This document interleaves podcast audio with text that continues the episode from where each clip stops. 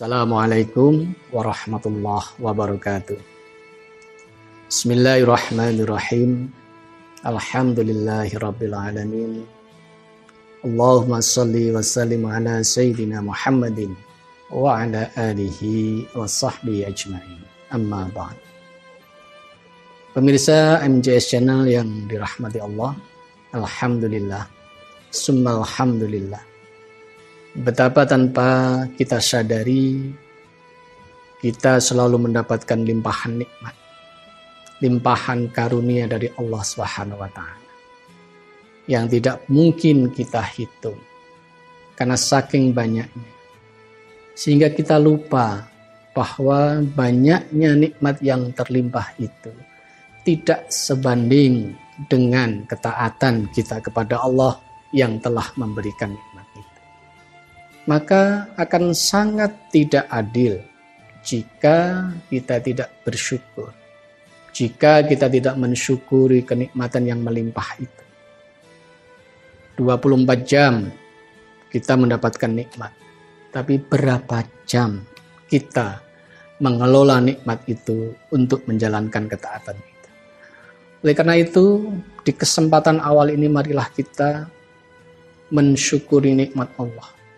Dan cara bersyukur yang paling baik adalah dengan memaksimalkan semua potensi-potensi kenikmatan itu untuk meningkatkan ketakwaan, meningkatkan ketaatan, baik dari sisi kuantitas maupun kualitas. Karena dengan itulah kemudian kita juga berharap nikmat yang melimpah itu akan senantiasa Allah lipat gandakan di hari besok dan hari-hari berikutnya. Pemirsa MJS Channel yang dirahmati Allah. Kalau kita mengikuti perkembangan masyarakat kita. Akhir-akhir ini atau setahun belakangan ini kita disibukkan dengan hal-hal yang kurang baik yang terjadi di masyarakat kita.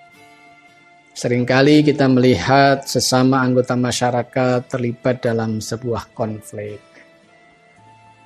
terlibat dalam sebuah permusuhan, terlibat dalam adu argumen yang saling kemudian menindas satu sama lain. Seakan-akan kita melihat ada sesuatu yang hilang di masyarakat kita. Mengapa kemudian mereka saling mendahulukan nafsu individunya, mendahulukan egoisme sektoralnya, sehingga kemudian menghilangkan nilai-nilai kemanusiaan yang itu adalah fitrah kita sebagai makhluk individu, tetapi juga sebagai makhluk sosial. Maka pada kesempatan yang baik ini kita akan bersama-sama membahas tentang tasamuh. Atau yang sering kita dengar dalam bahasa kita adalah toleransi. Karena ini sesuatu yang hilang. Sesuatu yang kemudian banyak diabaikan.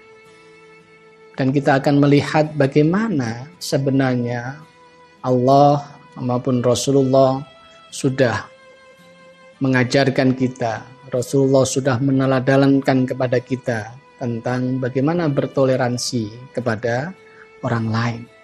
Khususnya mereka mereka yang berbeda dengan kita. Nah, kata tasamu sesungguhnya berasal dari bahasa Arab. Dia dari kata samuha yasmuhu samhan. Yang artinya lapang dada atau memberi kemudahan. Sehingga kita bisa mengambil uh, keyword atau kata kunci bahwa toleransi itu kata kuncinya adalah kita harus melapang dada. Dan setelah kita berlapang dada, maka kita memberikan kemudahan. Itu toleransi dari sisi akar katanya. Nah, kalau kita kemudian masuk dalam konteks bahasa kita, bahasa Indonesia, maka toleransi itu adalah sebuah sikap menenggang Menenggang itu artinya menghargai atau membolehkan adanya pendirian, membolehkan adanya pendapat yang berbeda, bahkan bertentangan dengan pendapat kita. Nah, ini yang kemudian harus kita paham bahwa ketika kita bersikap toleransi itu, kita harus kemudian melapangkan dada kita dalam arti kemudian kita menerima, kita menghargai, atau kita menenggang pendirian, argumen, pendapat, atau madhab yang berbeda dengan kita, atau bahkan bertentangan dengan kita, tetap kita hargai, kita terima. Meskipun kita tidak harus kemudian mengikutinya tapi proses penerimaan pendapat yang berbeda. Proses menerima sesuatu yang bertentangan dengan diri kita itu menjadi sangat penting karena itulah yang menjadi substansi dari toleransi. Nah, di dalam ajaran agama kita, maka toleransi itu memiliki dua kata kunci. Ini yang sangat penting. Karena kita melihat ada orang yang toleran, ada orang yang sangat tidak toleran, tapi juga ada orang yang sangat toleran sehingga dianggap kebablasan. Nah, bagaimana kemudian ajaran agama Islam kita itu mendudukkan toleransi? Maka ada dua kata kunci. Yang pen, yang pertama adalah kata kuncinya toleransi itu saling menghargai. Kata kunci yang kedua adalah harus sesuai dengan batasan ajaran Islam. Nah, ini yang sering kali diperdebatkan itu yang kedua, sesuai dengan batasan ajaran Islam. Ya, betapa banyak kemudian pendapat-pendapat yang berbeda ketika memberikan ukuran batasan mana orang boleh bertoleransi dan batasan mana orang kemudian tidak boleh bertoleransi. Nah, Nanti kita akan sampai pada pembicaraan itu. Yang pertama bahwa kata kunci dari tasamu itu adalah saling menghargai. Ada kata kunci yang pertama saling. Saling itu apa? Saling itu adalah sesuatu yang harus muncul dari dua pihak. Kalau saya mentoleransi Anda, maka berarti perasaan itu harus muncul dari saya sendiri dan juga dari Anda. Kalau hanya muncul dari saya tapi tidak muncul dari Anda, maka tidak akan terbentuk atau tercipta toleransi. Maka kata saling ini menjadi sangat penting. Ada kebersamaan, ada upaya untuk kemudian menumbuhkan rasa saling itu. Satu contoh misalnya, kalau di bulan Ramadan, sering kali kita kemudian mendengar istilah Orang yang tidak berpuasa harus menghormati yang puasa. Nah, kalau itu dikaitkan dengan toleransi, maka harus dilanjutkan lagi. Orang yang berpuasa juga harus mentoleransi orang-orang yang tidak berpuasa. Nah, ini bisa disebut toleransi. Ya, maka kita lihat misalnya, orang yang tidak berpuasa, maka dia harus bertoleransi kepada yang puasa sehingga dia tidak boleh makan di siang hari di depan orang yang berpuasa atau sengaja menampakkan diri makan dan minum di tempat-tempat umum yang bisa kemudian mengganggu orang yang berpuasa. Tapi di sisi lain, nah, orang yang berpuasa juga harus menumbuhkan toleransinya bahwa ada orang-orang di sekitar dia yang tidak berpuasa. Sehingga kita tidak bisa melarang orang untuk kemudian membuka warungnya. Hanya karena dia harus menghormati kita yang puasa. Tapi kesalingan itu harus muncul dari kita. Sehingga yang terjadi di masyarakat kita itu menurut saya sudah pada track yang benar. Orang boleh buka warung karena memang tidak semua orang atau masyarakat kita berpuasa. Ada penganut agama lain yang memang tidak punya kewajiban puasa di bulan Ramadan dan kewaj dan makan serta minum itu kan kebutuhan primer. Sehingga kita tetap harus membolehkan orang buka warung untuk melayani mereka yang tidak berpuasa. Tetapi ketika mereka makan, mereka harus menghormati yang puasa. Sehingga kemudian ada penutup warung itu. Itu satu hal yang menunjukkan bahwa toleransi itu muncul dari kesalingan itu. Maka tanpa kesalingan, tentu tidak akan muncul toleransi. Kalau yang satu sudah kemudian memunculkan sikap toleransi yang satu tidak, maka yang terjadi bukan toleransi, tapi pemaksaan kehendak. Maka kata kunci yang pertama, kesalingan itu harus ada. Nah, kata kunci yang kedua adalah sesuai batas. Nah, batas mana itu yang kemudian perlu kita lihat. Nah, kerangka dasarnya adalah bahwa perbedaan itu adalah sunatullah. Artinya perbedaan itu sesuatu yang memang sudah kehendak Allah. Sehingga kalau kemudian kita tidak menerima perbedaan, berarti kita tidak menerima takdir Allah. Banyak di dalam ayat-ayat Al-Quran yang menyebutkan itu, bahwa Allah bisa saja menjadikan umat manusia itu menjadi satu. Allah bisa saja menjadikan semua manusia itu kemudian menjadi orang-orang yang beriman semua. Tapi Allah tidak menghendaki itu. Bahwa perbedaan itu memang disengaja oleh Allah sebagai pencipta alam dan seluruh isi. Sehingga kita harus menerimanya. Kita tidak boleh menginginkan orang sama dengan kita, pendapatnya sama. Itu tidak bisa. Kalau kita memaksakan berarti kita bertentang, bertentangan atau menentang sunatullah. Maka itu yang harus kita pedomani perbedaan adalah sunnatullah.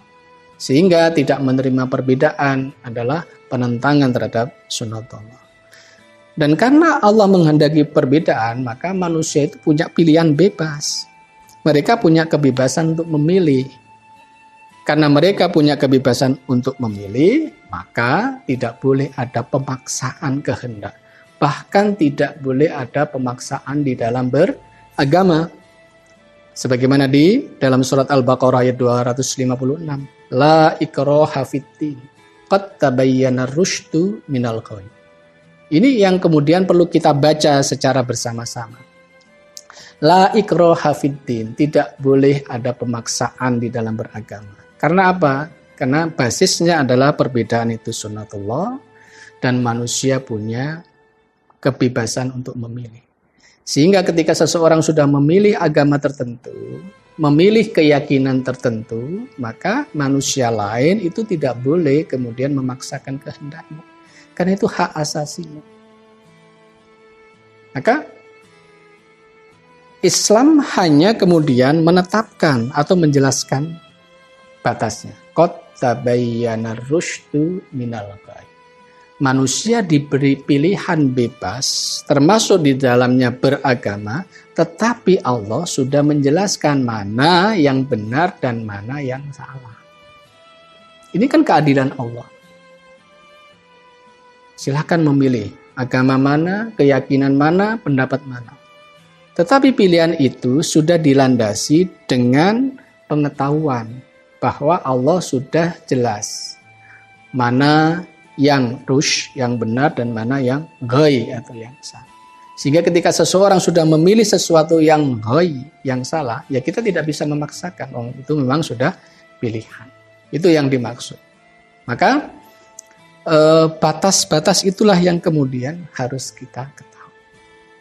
Nah, dengan begitu, dengan saling menghargai, kemudian kita memahami batasan-batasan uh, di mana kita harus bertoleransi, maka itu akan bisa membantu kita untuk menumbuhkan sikap tasamu.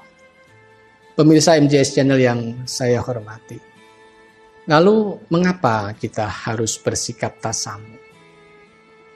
Mengapa Allah kemudian mengajarkan kita sikap toleransi? Tentu setiap ajaran Allah, setiap ajaran Rasulullah itu pasti ada nilai-nilai luhur di dalam. Di samping karena kita harus menerima perbedaan dan juga menghargai pilihan orang, sebenarnya tasamu itu spiritnya adalah empowering society, memberdayakan masyarakat. Untuk apa? For social justice, untuk kesetaraan sosial, untuk keadilan sosial. Jadi sikap mentolerir itu sebenarnya tujuan utamanya adalah bagaimana kita memberdayakan masyarakat kita supaya tercipta keadilan sosial. Nah, lalu apa hubungannya dengan puasa? Nah, di situ kita justru menemukan hubungannya. Karena orang-orang yang memaksakan kehendak, orang-orang yang kemudian menginginkan orang lain sama dengan keyakinannya, sama dengan pendapatnya, sesungguhnya mereka sedang tidak bisa mengendalikan hawa nafsunya. Nah, kalau kemudian kita tarik kepada persoalan-persoalan sosial, kita bisa melihat ketidakadilan sosial itu munculnya kaya miskin, munculnya kemudian yang kuat dan yang lemah, ini juga akibat orang tidak bertasamu. Karena mereka cenderung kemudian uh, menguatkan egonya, menguatkan nafsunya. Nafsu berkuasa menjadikan orang itu bersifat otoriter. Dia lebih suka melihat orang itu lemah karena dia ingin menjadi yang paling kuat. Nafsu memiliki juga begitu, membuat orang kemudian menjadi kaya sendiri dan membiarkan orang lain dalam kemiskinan. Nafsu memonopoli kebenaran juga begitu, menganggap kebenaran itu ada di dirinya dan orang lain itu sama. Sehingga sikap tasamu itu tidak akan bisa muncul sepanjang egoisme, nafsu itu kemudian masih berada atau menguasai diri manusia. Nah, di bulan Ramadan itu tujuan kita kan imsak, menahan nafsu mengendalikan nafsu. Nah, kalau kita bisa kemudian mengendalikan nafsu untuk berkuasa, nafsu untuk memiliki, nafsu untuk memonopoli kebenaran, maka di situlah kita kemudian bisa menumbuhkan sikap tasamu. Toleransi dalam beragama, toleransi dalam sikap-sikap sosial yang lain, toleransi dalam uh, perbedaan pendapat itu akan tumbuh. Maka puasa itu sesungguhnya bukan hanya sekedar mengendalikan nafsu yang berkaitan dengan biologis, nafsu yang berkaitan dengan indrawi, nafsu yang berkaitan dengan duniawi, tapi juga nafsu-nafsu yang bisa mengikis sifat tasamuh kita sehingga membuat masyarakat atau di dalam masyarakat muncul ketidakadilan sosial. Nah ini sebenarnya yang menjadi titik tekan dari sikap tasamuh. Empowering Society for Social Justice. Maka di dalam berpuasa kita diminta untuk memperbanyak sedekah. Nah, kita itu bisa bersedekah ketika kita bisa mengendalikan ego memiliki harta kita. Karena orang bisa berbagi itu kan karena dia egonya itu sudah berkurang.